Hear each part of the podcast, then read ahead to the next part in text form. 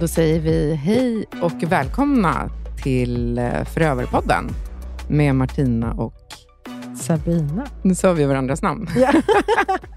och idag har vi då eh, vår första gäst som eh, heter Eva Russ. Mm. Japp. Japp. Och det var ju min dröm att du skulle vara vår första gäst.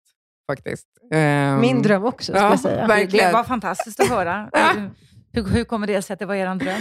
Nej, men jag tycker du är så otroligt härlig. Vi har ju träffats för Mm. eh, 16 år sedan. Och Då gick jag till dig. Jag var gravid med min första och ville bli den bästa mamman i världen. Eh, och eh, ja, du hjälpte mig. Och Det var så vi fick kontakt Mm. faktiskt. Och Sen så har du... Vi har haft kontakt lite till och från Mm. under åren med allt, om allt möjligt. Och Du bor ju på Aruba. Japp, det stämmer. Ja, och du, eh, hur är det att komma till Sverige nu då? I den här kylan, minus sju Jo, idag. det, men på ett sätt Mm. är det skönt med kontraster. Och jag känner mig väldigt exciterad för de sista två veckorna när jag kom hit första december. Jag är här i fyra veckor. Och jag liksom längtade, vaknade tidigt på morgnarna och ställde om tidszonen lite för mig själv och längtade efter kyla och, och, och mörker. Ehm, och jag kan säga som så att jag tycker fortfarande att det är härligt att vara här. Men, men en del av mig längtar faktiskt tillbaka till värmen också, måste jag säga. Jag har bott där nere i åtta år snart, så att jag är väldigt van vid att ha värme omkring mig jämt. Och vi alla längtar efter värmen, Mm. eller hur? Men här inne är det varmt och skönt i Ja. alla fall. Mm. Eller vad säger du? Precis. Och jag kan säga, Eva, alltså för min del, så jag har ju skrivit min bok Genomskåda narcissisten. Och dina böcker var ju de som jag läste långt innan jag skrev min bok. Så att du väckte ju den här, äh, de här tankarna inom mig. Wow, så att jag, att. Ja, men det är Mm. jättekult att du är här. Så Mm. jag är supertacksam och Mm. superglad Tack. av att se dig här. Så välkommen hit. Tack så jättemycket. Det är väldigt kul att höra att, att, att mina initiativ till att skriva böcker, det är ju nästan 17 år sedan jag skrev Gift med en psykopat, Just det. 2005, att Mm. det liksom gav avtryck. Det, det, då har man ju bidragit med någonting till mänskligheten på något sätt. Ja, men verkligen. Ja, det är Det är klart kul. att du har. Mm. Det ska du ha med dig, Mm. absolut. Men för er som inte känner till dig då. Du är ju då legitimerad psykolog och Mm. kognitiv eh, psykoterapeut Japp. Relationsexpert, och relationsexpert. trau- traumaexpert också numera. Ja. Så vad gör du på Aruba? På Aruba jobbar jag åt, eller jag har jobbat åt staten där nere i ett Mm. par år. Jag har varit anställd. Jag har jobbat åt ett, eh, öns största sjukkassa kan man säga, ungefär som Försäkringskassan här. Fast, eh, och jag jobbar åt Aruba University och jag jobbar eh, snart åt Hotel Hiltons medarbetare och eh, sen har jag egen mottagning hemma. Så jag har fullt upp. Jag har mer än heltidsjobb där nere. Wow. Och sen Mm. så tar du hand om 14 hundar. Eller hur många var Ja, det? jag har räddat eh, gatuhundar, eller kachokai som det heter, eller landskapshund. Kunuku kacho heter det. det. Det kryllar av hundar där nere. Man estimerar, eh, fick en siffra nyligen, att på den här lilla ön som är lika liten eller stor som Bornholm, tre gånger en mil, så finns det uppskattningsvis mellan 30 och 40 000 vilda hundar. Alltså, det Så det, man kan otroligt. rädda hundar hela dagarna om man vill hålla Ja, på och det är det ja. du gör, verkligen. Jag, Nej, jag, har gjort det, jag har gjort det när de har, liksom har trillat Ja. in, i, in, in i mitt villaområde eller legat Ja. skadade eller döende utanför min grind. Då har jag hjälpt till och, och fått dem friska och adopterat iväg dem till Sverige eller till USA. Gud vad fint. Verkligen. Men är det så att folk också lägger hundar liksom utanför din grind? Nej, alltså, nej, är det nej. så här, där bor, Nej, där bor nej, Eva. det, där- grejen är den att det villaområdet jag bor i bo, är väldigt, väldigt nära ett eh, ganska förfärligt ställe som heter Killing Cage, alltså dödsburen. Och det är ett hus där man lämnar in djur som man inte vill ha, ha, ha att göra med längre, så avlivas de en gång om dagen. Och, men sen har regeringen, det är regeringen som in, in, instiftat Killing Cage, men nu har de eh, fått så mycket protester så att nu har de stängt det. Alltså det förut var det öppet 24-7, så att säga, men nu är det stängt Mm. och öppet kanske bara tre timmar om dagen. Och Det innebär det att de som har tröttnat på sina hundar bara släpper dem utanför där och sen droppar de in i mitt villaområde, de stackars hundarna. Jättefina hundar med koppel, halsband och allting på som står med svansen mellan benen och huvudet nersjunkna och jätteledsna. De blir Mm, dumpade. Mm. Och du bor ganska nära där? Ja, 300-400 meter bara. Oj, oj, oj. Och då var det meningen kanske med att du skulle köpa det huset? Det var där. tydligen det. Ja, du skulle rädda några hundar Ja, det liksom, om dagen. det. Ja, precis. Eva, ja. Mm. Jag tänkte på att vi skulle då eh, toucha lite på ämnet om narcissister och eh, psykopater. Mm. Och då tänkte jag att vi kunde bara reda ut, eh, vad är skillnaden tänker du? Mellan en narcissist, en psykopat och en sociopat. Mm. Nu vet inte jag om jag, om jag har... Om jag, har, jag kan bara säga vad jag tror, så får du, får du Mm. rätta mig. En narcissist är inte alltid en psykopat, men en psykopat är alltid en narcissist. Kan det vara Det så? stämmer, det stämmer. Ja. Ja. Och, och skillnaden mellan narcissist och psykopat är att en narcissist reagerar utifrån, utifrån sina känslor medans, och, och har ingen plan, men en psykopat har alltid en plan. Precis, exakt. En narcissist kan också vara väldigt impulsiv. va? Och liksom inte just det där utan Oh ja. planen, utan Ja. bara följa så här, åh det här verkar kul, det här gör jag och det här ja, kan så, gynna så mig. länge som det gynnar dem och att Mm. de känner att de eh, förhöjer sig själva och att de får tillräckligt med beundran och så vidare. Men de har ingen plan. Men en, en, en psykopat har alltid ett S i rockärmen. Har alltid en ma- manipulativ. Det finns en medvetenhet kring det. Att de har ett mål som inte andra vet, känner till. Mm. Är de medvetna eh, narcissister? Nej, oftast inte. Oftast inte nej, nej. Men kan de vara medvetna i den, liksom, alltså så här att ja, men jag, jag vet att det här är fel, men jag skiter i det? Absolut, så kan det vara. Eftersom de har en förhöjd självbild och anser sig ha rätten att få göra olika saker. De anser, ser ju sig själva för mer än alla andra. Så Exakt. självklart så kan Mm. de rä- rättfärdiga sina egna handlingar på det sättet. Absolut. Mm, Men mm. man brukar säga då att narcissister är egodrivna. Mm. Vad är det som driver psykopaten? Eh, makt, position, kontroll. Eh, att, att, det är lite katt, katt och råtta-lek. Att jag vet någonting som inte du vet. Att man har den här egna planen. Att man, kan, eh, man har ett mål med att förgöra eller förstöra. Eller så. Men en narcissist har inte ett mål, utan de agerar utifrån känslan som är viktig för dem, att de är förhöjda, för, för, värda mer än andra människor på något sätt. En psykopat har inte det problemet på samma sätt, att de måste vara mer värda än andra människor. Men de har den här hemliga planen som ingen annan känner till. Det är det katt och råtta-lek som de trivs jättemycket med. Eller jättebra med, rätt sagt. Exakt. Mm. Och en sociopat, vad jag förstår, är... Eh, för en psykopat är född psykopat. Nå, det där diskuteras jättemycket kring. Mm. Ehm, jag, jag personligen tror faktiskt inte det. Jag har genom åren läst eh, forskningsrapporter och läkartidningar, både internationellt och i Sverige och så vidare. Och fortfarande idag, alltså vi pratar 2021, 2022, så, så är det, liksom, diskuterar man, är man född psykopat eller är det genetik, är det skada mot huvudet eller är det uppväxt och så vidare. Och jag, jag är själv personligen övertygad om att det kan möjligtvis finnas en sårbarhet, alltså lite, lite genetik, men att det för det mesta att det inte föds alltså tydliga psykopatbebisar, det är jag helt övertygad om att det inte gör. Utan att det handlar väldigt mycket om en, en svår anknytningsstörning under uppväxten. Men är det inte så också att man ska uppvisa ett, ett eh, liksom aggressivt beteende innan 15 års ålder? Jo, eh, jo alltså när jag läste psykolog för jättelänge sedan så sa man ju då att man kunde förutspå ett barn. Om, om ett barn ryckte av benen på en skalbagge, så Exakt. tyckte de att plå, Ja, men plåga djur. plåga så- djur, ja, ja. precis, skulle Andra kunna, barn. Ja, precis. Mm, Så kunde mm. vara det. Tutta eld på saker utan att Ja, bry sig. ja liksom. precis. Ja. Men, men Mm. det som, Mm. som jag själv också har tagit upp i mina böcker, som har förstört lite kring det här med psykopatbegreppet eller sociopatbegreppet, det är ju att eh, och här, som gjorde psykopatichecklistan 1974, den gäller ju fortfarande efter liksom mer än 40, nästan 50 år, psykopatichecklistan. Och den är gjord, det är alltså Mm, mm, eh, 18 punkter tror jag det är, som, som är kriterier för att man ska kunna sätta diagnosen psykopat på någon. Men Mm. den listan är fortfarande bara gjord utifrån kriminella som sitter i fängelser.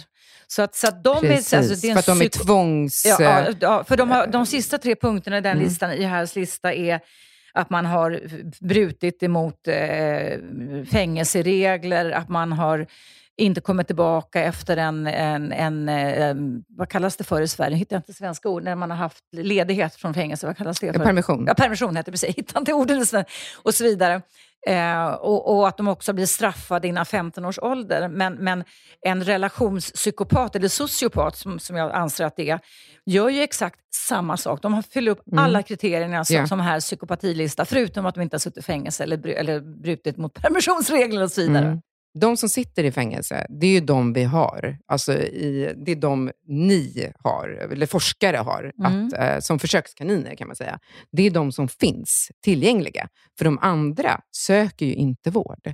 Det går ju inte att forska på de som är ute i samhället, för de söker sig ju inte till... Nej, det precis. Nej, precis. Och och de de flyger under få- radarn. De flyger Mm. under radarn. De kan bete sig oerhört kriminellt mot sina partners, och, eller om man är företagsledare eller någonting annat. De finns oftast på höga positioner också i, i samhället, i olika verksamheter.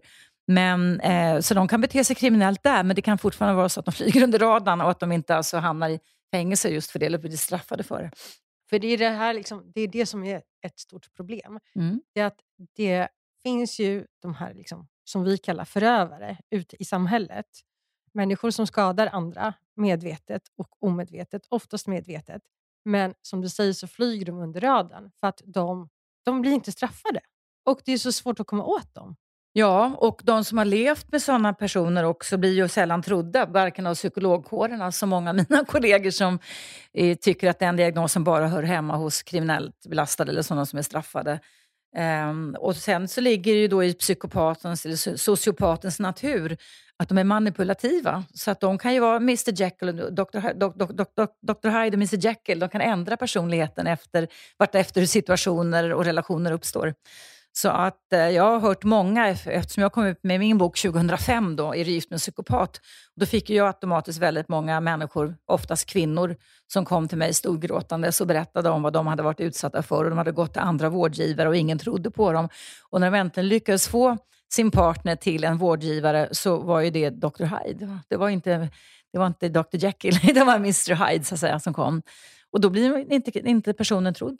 Ja, finns ju och inget det sker med det. Liksom. Ja, oh ja, det sker fort, oh. Du sa 2005 när du släppte boken, mm. men alltså det här är, nu är vi 2021, slutet på, på året. Och det sker fortfarande. Oh ja, det är ett samhällsproblem. Man, det är ett mm. samhällsproblem och folk blir inte trodda. Alltså offren blir inte trodda. Stämmer. För att de här psykopaterna och narcissisterna är så vassa på att förställa sig, på att sätta på sig en mask, en fasad. Och som du säger, liksom, spela någon annan. Spela en schysst, trevlig kille. Mm. Och inte bara schysst, trevlig kille, utan de är så otroligt charmiga. Alltså, de kan ju vara så charmiga och så populära där ute, så att folk verkligen ser upp till dem. Mm. Så kan, de kan se väldigt bra ut. Alltså, nu pratar vi också kvinnor. Vi får inte glömma att vi har kvinnor också som är mm. psykopater. Eh, de kan se otroligt bra ut, vältränade, välutbildade, eh, välklädda, bra ekonomi. Um, och verkligen skärma sönder folk. Och då, då har, de en publik också. Absolut, och det absolut. är så de mm, njuter mm, som allra mm. mest. Jag är själv eh, väldigt, eftersom jag skrev den här boken första då om dysfunktionella relationer 2005, um, ehm, och sen två ytterligare efter det. Men jag, jag har inte kunnat låta bli att fascineras och förundras över Ted Bundy som, som ju var, var en Eh, psykopat och kvinnomördare eh, i USA. Och förresten så går det liksom en slags dokumentär om hans liv på Netflix just nu, som är väldigt givande. Men han, han läste ju både till psykolog och jurist och han fick rekommendationsbrev av en, sen, en senator, en republikansk, eller demokra, jag tror det var demokratisk senator, att han skulle satsa på politiken. När han läste till psykolog så jobbade han på ett behandlingshem och räddade tonåringar från att begå självmord. Va?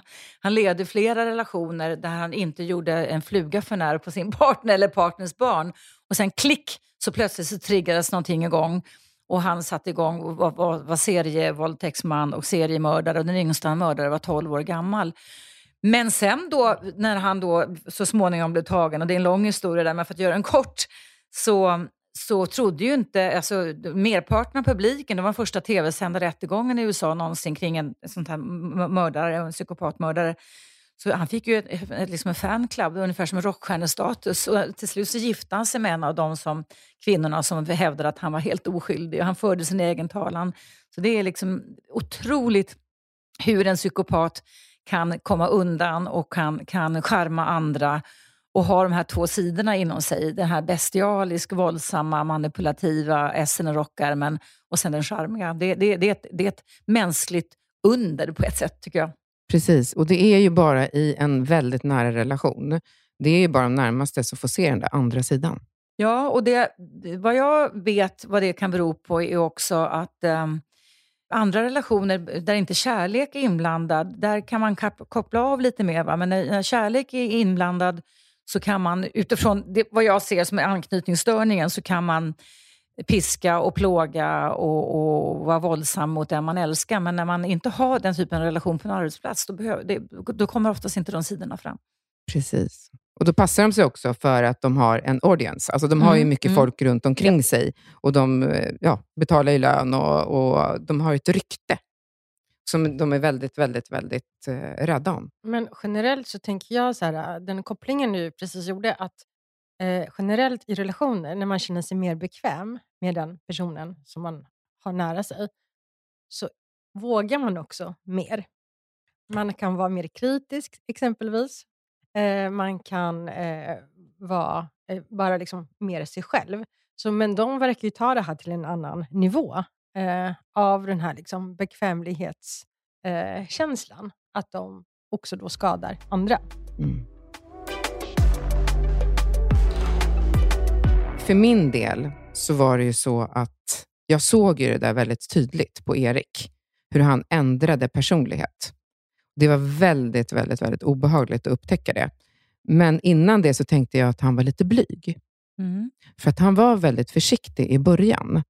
Ehm, han var väldigt återhållsam, sa inte så mycket, väldigt charmig, snäll, skulle alltid liksom springa upp och ville ha någonting älskling, och speciellt då framför andra.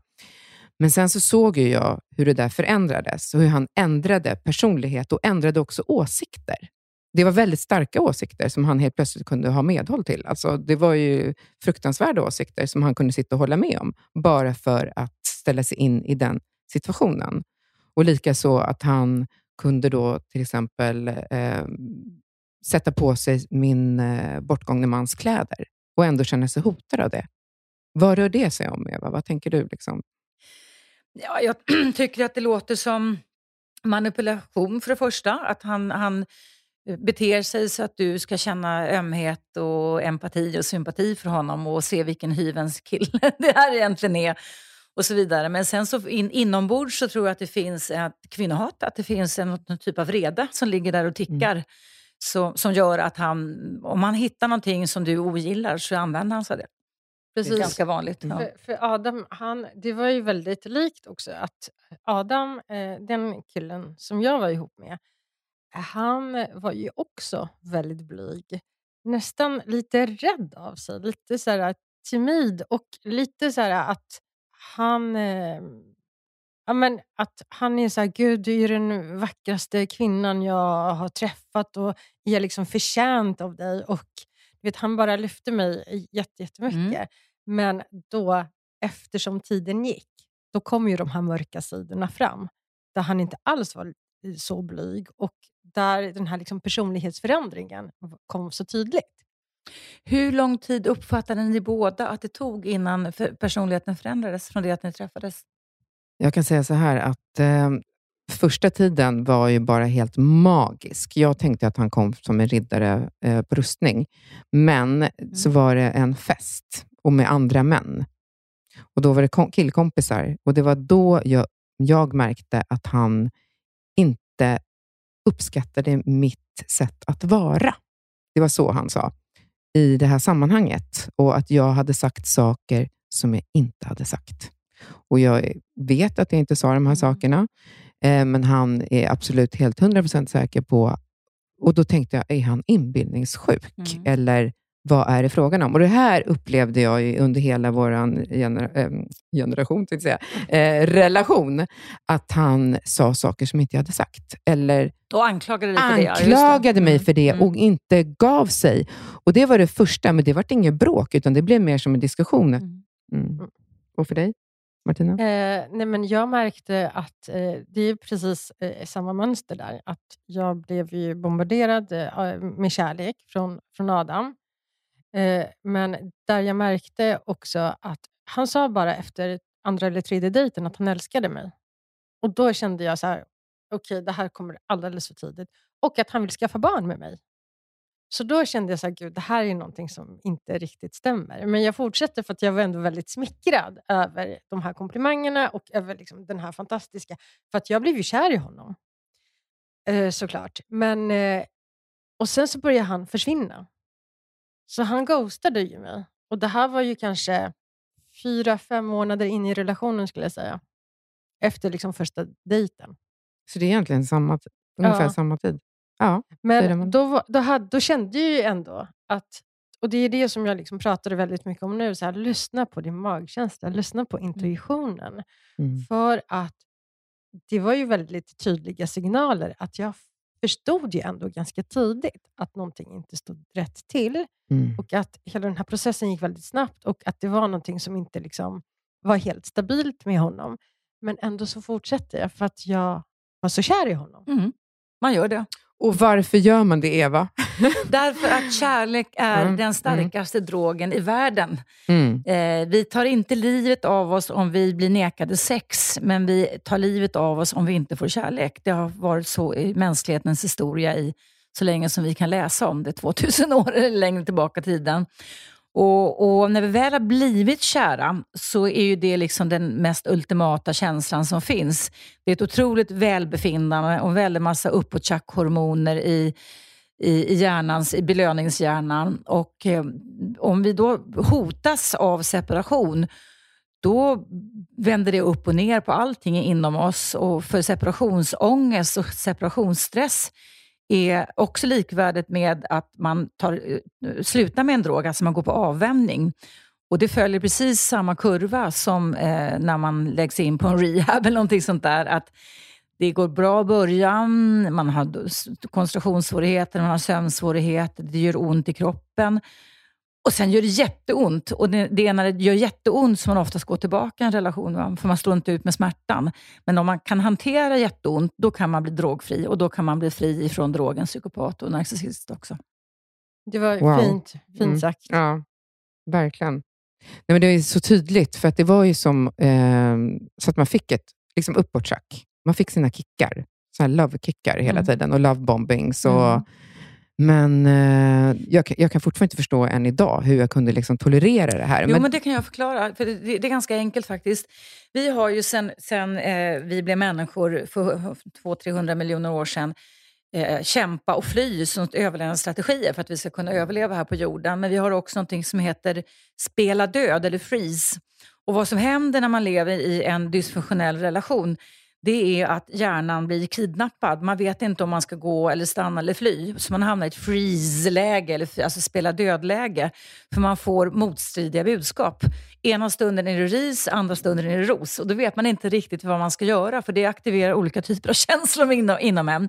Och det är därför man stannar kvar. Så att hjärnan blir kidnappad helt enkelt. Det är därför man gör det. Det är därför man kan förundras över att många kloka, eh, ja, som ni, vackra kvinnor, starka med skinn på näsan och så vidare, ändå kan uppleva någon gång i livet en relation med en sociopat, eller psykopat eller narcissist.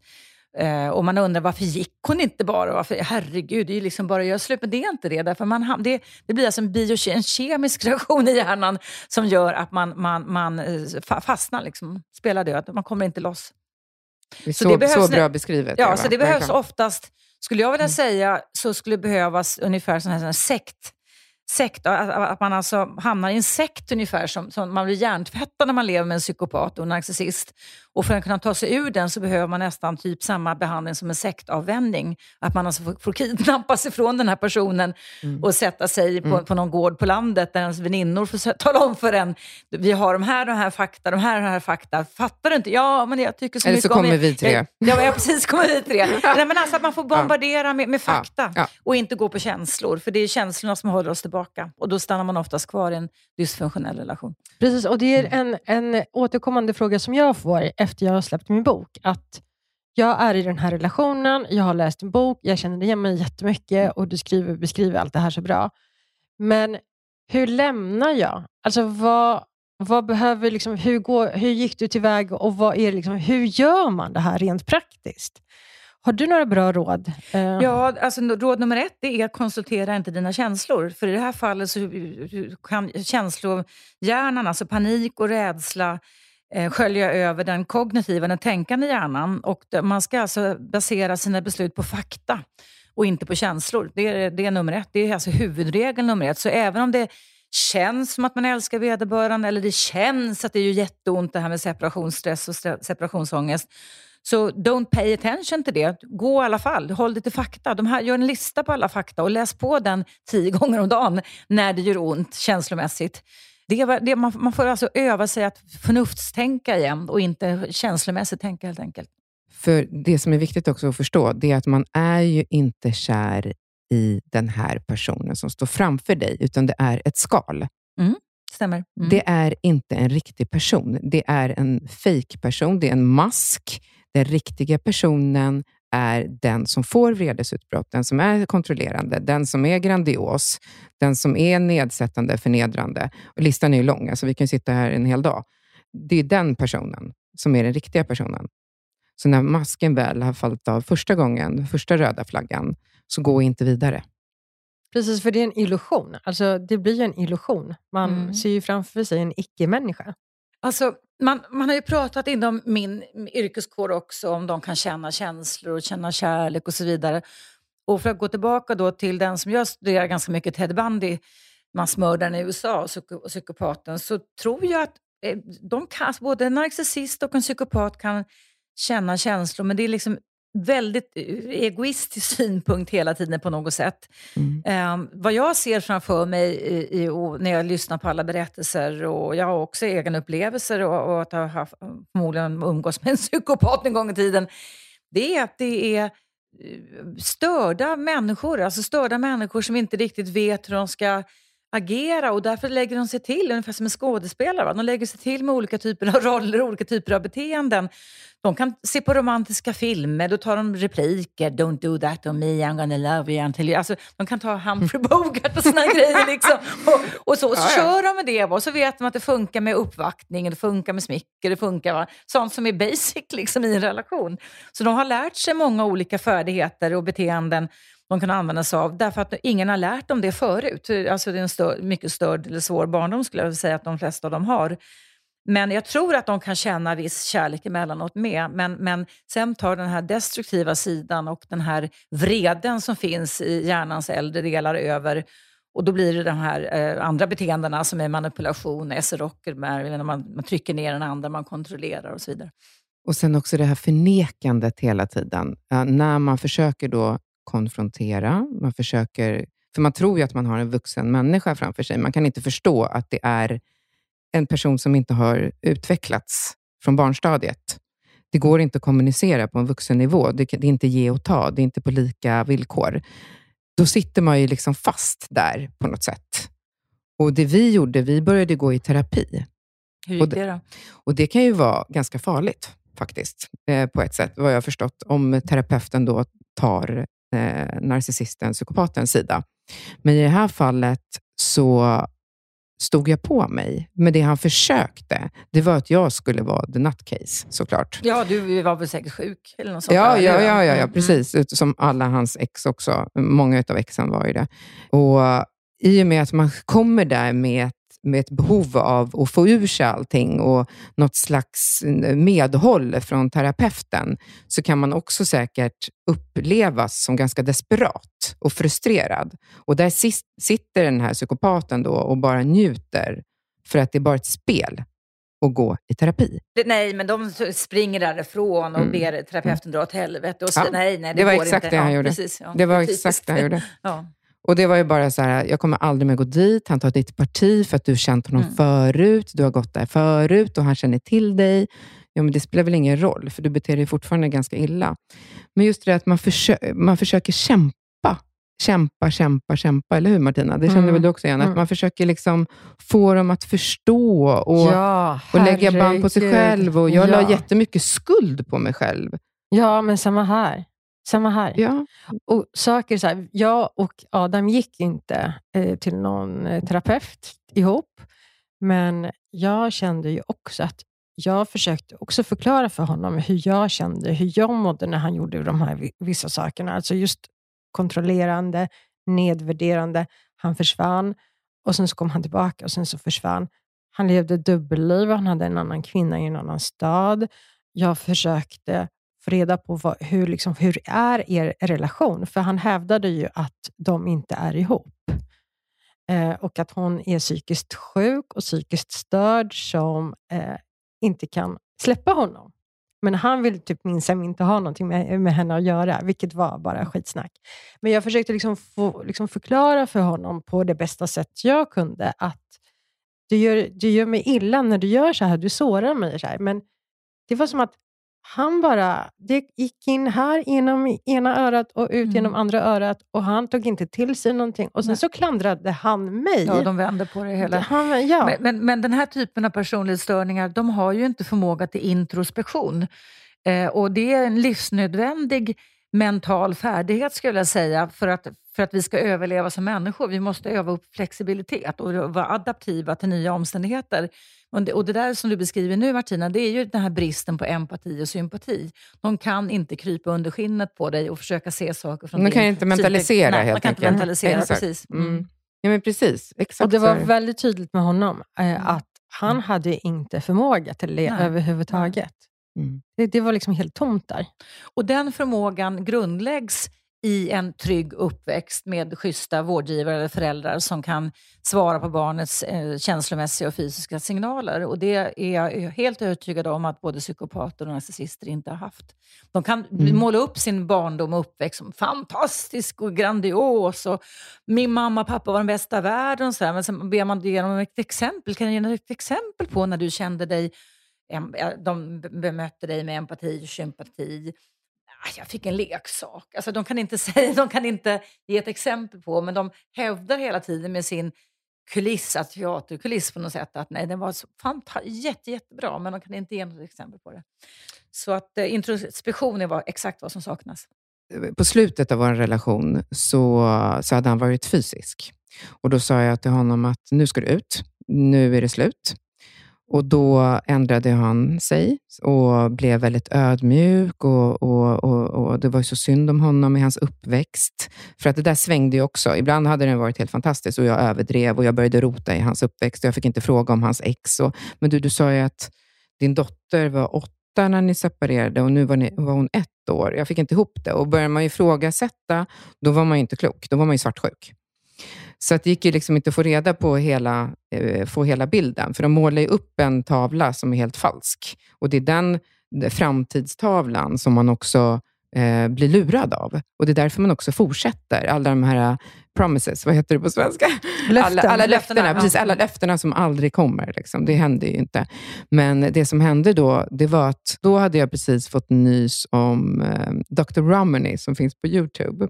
Hon eh, som pratar mycket om narcissister, eh, som sitter i vissa tv-program och så. Och då så var det ett avsnitt där som jag såg och då tänkte jag, men han, det här är ju han. Det här är ju han. Och då säger hon i ett av avsnitten, det jag kan rekommendera om du känner dig liksom gaslightad och att du blir inbillningssjuk, du, precis som du sa, det var ju så himla bra beskrivet, att någon har kidnappat din hjärna. Börja spela in dem. Så det var det jag gjorde.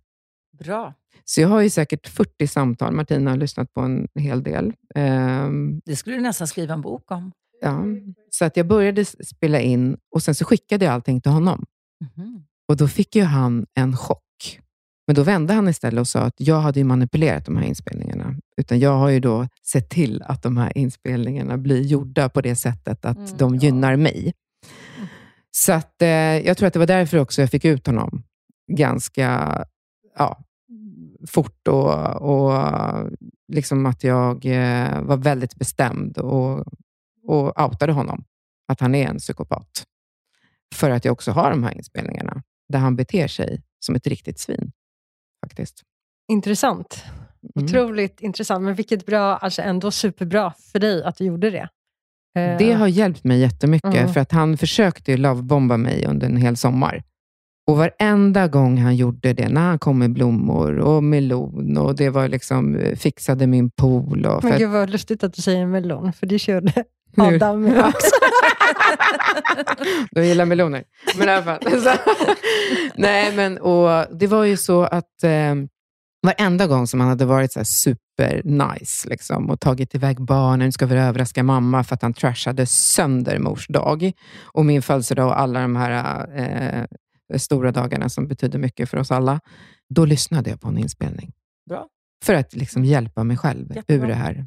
Och då är vi tillbaka i det här som du nämnde, Eva, fakta.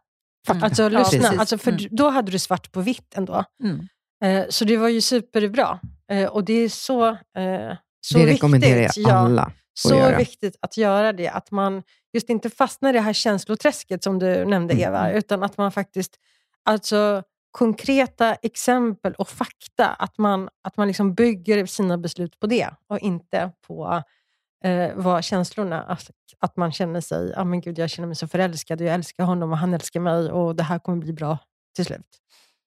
Men, men får jag fråga dig, Eva, en mm. sak eh, apropå det här? För att han, du avslöjade ju honom, eh, mm. Erik. Du, du, han blev ju avslöjad. Du avslöjade ju liksom honom för vem han var. Men nu man liksom tittar på min historia, att jag har ju ändå skrivit en bok om Adam, där jag berättar om vår relation och jag berättar hur, vad han har liksom gjort och att han har betett sig så fruktansvärt illa mot mig. Och jag eh, framställer ju honom på ett negativt sätt. Ändå väldigt objektivt, men det är väldigt negativt. Och ändå, trots att han är avslöjad och han vet om det, för han har ju...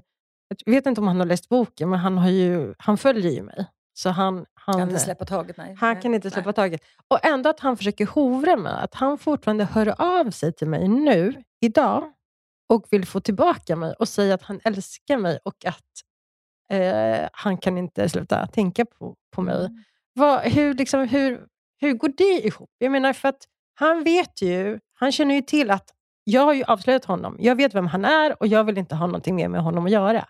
Men ändå så försöker han. Mm.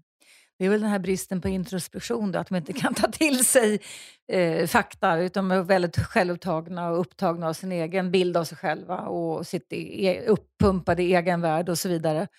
Um, och jag skulle tro att han resonerar som så att den där boken handlar ju inte om mig i alla fall. den handlar, Säkert, den vet du. någon annan ja, men vet du, Det är exakt så jag tänkte faktiskt. Mm. Att han, han har säkert så men det är någon annan kille hon skriver om. Mm, mm. Och Sen tänker jag på en sak till. Om han skulle lyckas få tillbaka dig, vilken trumf. Ja, ja. Och då ska du helt plötsligt träffa hela släkten och hela världen och visa det på Facebook. Titta, ja, det, är hon ja, som är, ja. hon är, det var inte om mig. Det var inte om mig. För det, det är också liksom lite ett skydd kanske. Det är bara en, mm, mm. vad jag tänker att så kan det vara. Mm, mm. För det, jag, de ser ju som ett spel. Ju. Alltså, det, är en, oh det är en katt och råtta-lek. Så att han, han vill ju vinna. Liksom. Precis, han vill vinna. Men boken blev ju liksom ett skydd för mig. För att jag visste att så fort jag skrev det här bokkontraktet och att jag kommer outa min historia, så kan inte jag under några omständigheter gå tillbaka till honom. För det skulle inte vara trovärdigt på något sätt för mig. Så att det blev ju liksom mitt skydd, att jag kunde liksom släppa den här boken. Och det räddade mig faktiskt. För det var ju liksom ändå så att jag velade lite så fram och tillbaka. Men ska jag, alltså, jag kanske har fel och jag mm. kanske har liksom missuppfattat och han har ju säkert rätt. Eh, så att jag velade ju ett tag innan jag faktiskt eh, på något sätt landade i att nej men jag ska hålla mig borta från honom. Han är destruktiv och han gör att jag mår bara dåligt i relationen.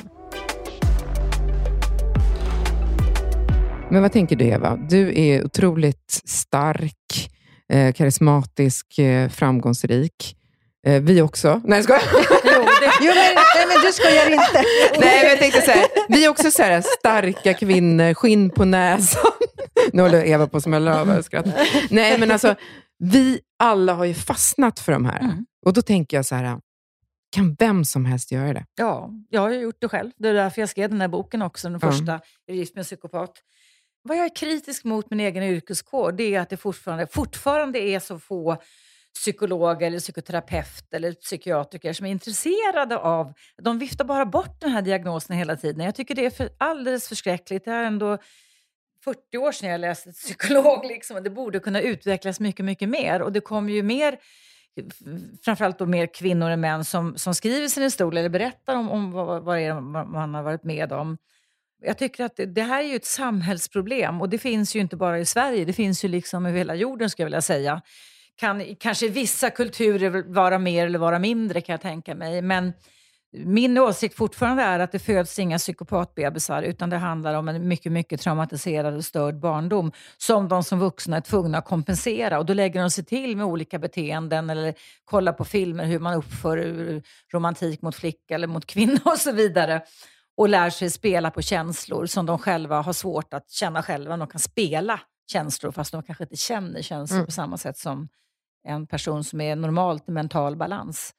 Så det har inte ett dugg med, jag har träffat så många som vi tre här, skarpa tjejer liksom, och kvinnor med höga utbildningar som har suttit gråtandes och nästan varit beredda att ta livet av sig för att de skäms så väldigt mycket över att de gick på lögnen när de träffade en psykopat eller en narcissist. Så det har inte dugg med utbildning att göra, utan det har med graden av hur den personen manipulerar och kontrollerar och kidnappar hjärnan hos motparten. Mm. Hur kan vi bli bättre på att genomskåda det här? Hur kan vi, är det liksom i skolorna som... Liksom, mm. eh, borde det liksom vara no någonting... Oh ja, det borde vara...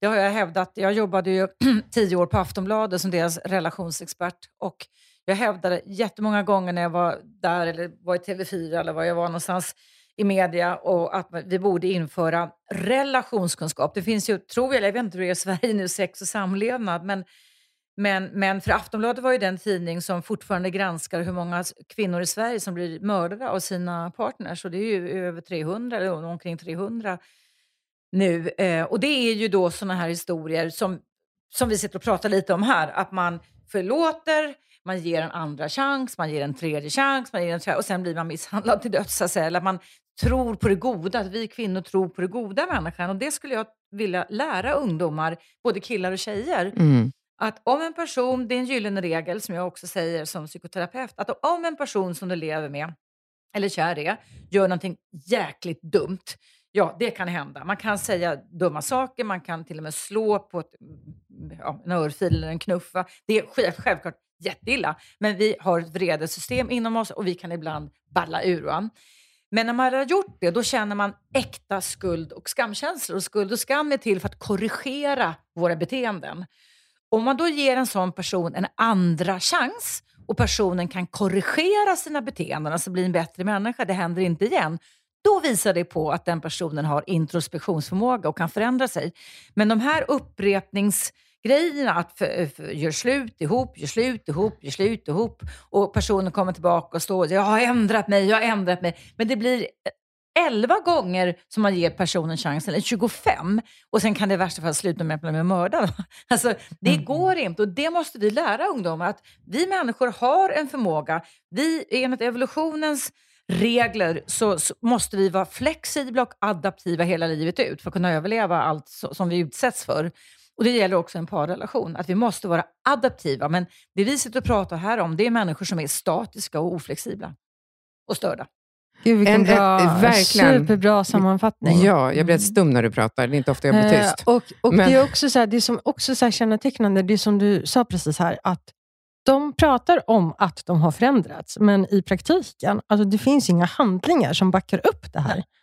Nej, och, du måste se på det. Man, det är det man måste ja. öppna ögonen för. Man, man måste öppna ögonen och säga, så, mm. så, så, så skilj, skilj, fakta från fiction. Fiction kan vara det här, åh, oh, jag är kär, eller åh, oh, jag fick så fina blommor och presenter, åh, oh, jag är skyldig att stanna lite till nu, för nu bjöd han på en fin resa, eller vad det nu kan vara för någonting. Men det, det, är, det var då det. Men det, man måste liksom hitta balansen. Men vad gjorde han sen då? Eller vad har jag varit utsatt för sen i sådana fall? Det är fakta.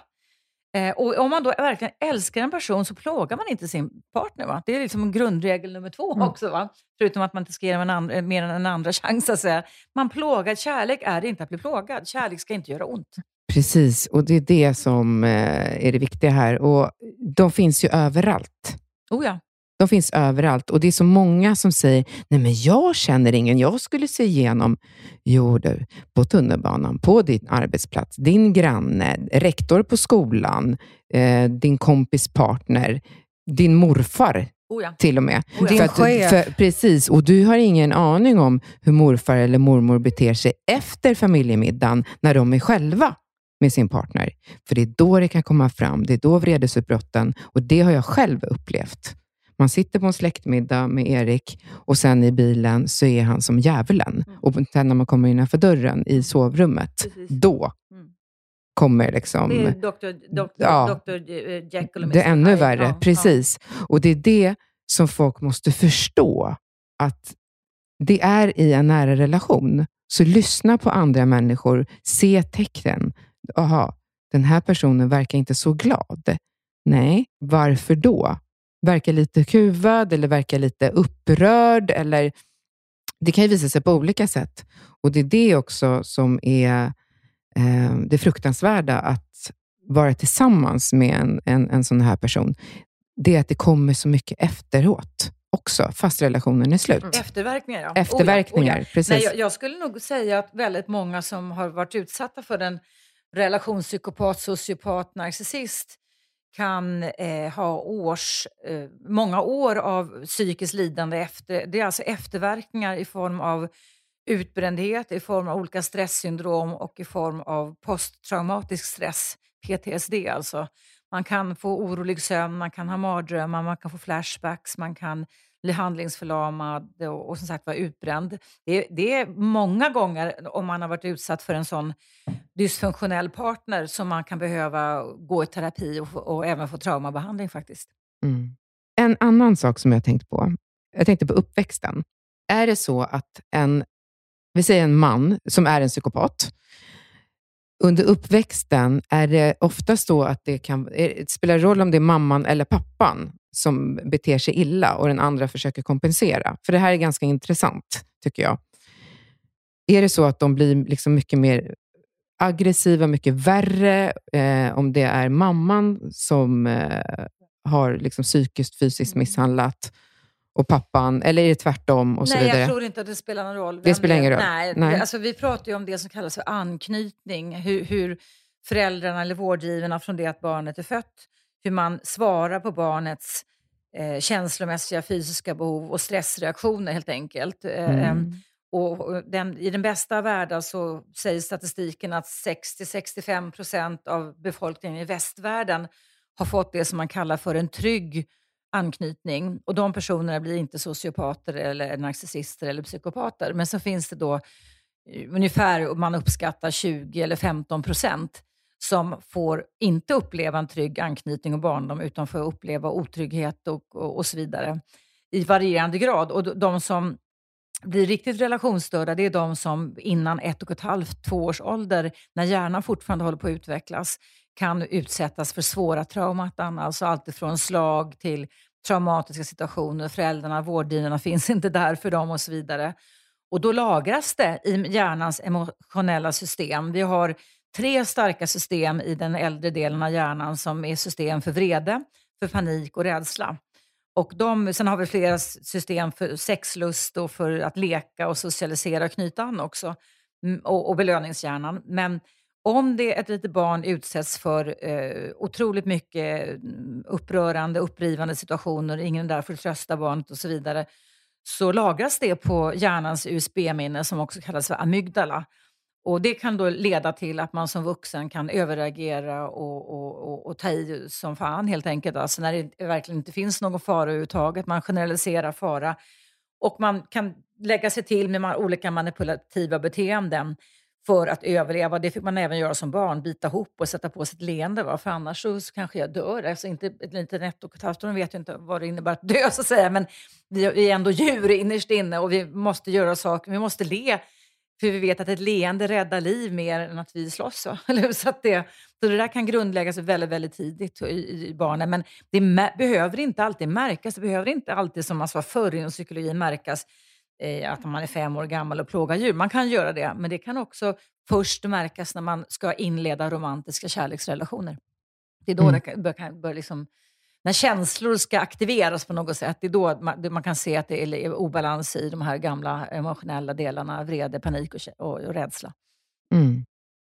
Så väldigt mycket beteenden hos, hos de här dysfunktionella partners är ju kommer ifrån vredesystemet, upplagrad vrede på hjärnans amygdala, USB-minne, men också från panik och rädsla. Vi har ju panik och rädsla och det är säkert många av de här beteendena som psykopaterna och narcissisterna gör för att de är rädda själva. Men de, sätter sig på, alltså de, de, de har så bra på masker som kan sätta på sig en mask. Så vi kan inte tro att de är rädda. Nej, för det, men det avslöjades ju ganska eh, tydligt när jag blev stor och stark och blev förbannad. Riktigt förbannad sista halvåret där. Då var det han som ett barn mm. och jätte, jätterädd. Och då förstod jag, aha, han är rädd att bli mm. bortvald mm. och bli lämnad. Det är han som är rädd, fast han, hot, han har hotat om det i, i över ett år. Precis. Jag har en fråga till dig, Eva. Eh, du pratade ju liksom om hur liksom barnuppfostran, eller så barn, barndomen påverkar. Hur är den här psykopaten, eller narcissisten eller sociopaten som förälder? Mm. Alltså hur ser liksom, den personen på sina egna barn? Det där är en jättebra fråga och den är också egentligen ganska knepig att svara på. Jag har fått jättemånga sådana frågor när jag jobbade som Aftonbladets relationsexpert. Det är, faktum är att jag har hört många exempel på och fått beskrivet många exempel på att en psykopatpappa, eh, sociopatpappa, narcissist på ett sätt kan bete sig schysstare mot sina barn än mot sin kärlekspartner. Alltså. Men sen har jag också hört andra berättelser om att de är lika jävliga mot sina barn som de är och, och, och måste ha en dragkamp på vem är bäst och vackrast och starkast och så vidare också. Så det är jättesvårt att ge ett generellt svar faktiskt. Det kan vara både och. För jag, eh, Erik hade ju tre stora barn eh, som jag träffade ganska mycket. För min erfarenhet, Martina, eh, så var det att han använde dem när han ville använda dem. Mm. Genom att visa upp dem, eh, visa dem för, för andra, då, eh, för, för, mig och liksom för eh, släkten. Och när det passade honom. Mm. Sen kunde han bara kasta bort dem när som helst och inte prata med dem och inte bry sig. Men så att det här kärleksfulla, liksom, genuina, det fanns ju inte. Nej. Så när han väl satt här på middagarna och låtsades eh, visa intresse, så var ju de ganska obrydda. Vilket jag tänkte, men gud vad nonchalanta de är, de här barnen. Jag förstod inte i början. Tänkte, de är inte intresserade. Men sen förstod jag i efterhand, han använde ju dem bara som schackpjäser. Mm.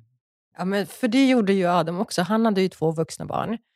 Och Det var ju precis som du säger, att han, för att visa upp sig, för att han själv ser bra ut och barnen ser väldigt bra ut.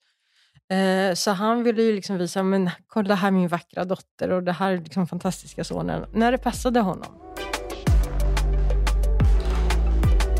Eva, nu vill vi höra lite röda varningsflaggor avslutningsvis. Vad, vad är liksom de här äh, varningstecknen som vi ska eh, ha koll på? Ja, alltså de generella varningstecknen är väl oftast att relation, äh, relationsinledningen går väldigt snabbt.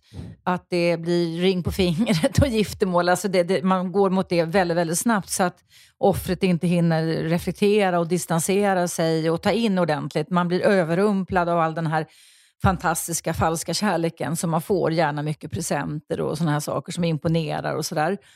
Ehm, man kan också uppleva att det är synd om dem. De har sin egen historia där de berättar om hur illa de har blivit behandlade av sina tidigare partners. Och de är världen, själva är de ju världens hedersknyffel och Mr Hyde givetvis. Och sen kan, och de är alltså exemplariska som uppvaktare, exemplariska som kärlekspartner. Too good to be true, skulle man kunna säga, är, är, är de. Och träffar man någon som är för too good to be true, då ska man dra öronen åt sig lite, ska jag säga. Och sen när det första tecknet kommer, eh, eh ett slag eller ett hårt ord eller vad det nu kan vara för någonting, då ska, man, då ska den personen verkligen, verkligen visa korrigerande beteenden i form av skam och skuld. Äkta skam och skuld. Inte bara gråta för att de tycker synd om sig själva som en liten tvååring som har tappat bort mamma snabbköpet, utan de ska också visa att de kan förändra sina beteenden.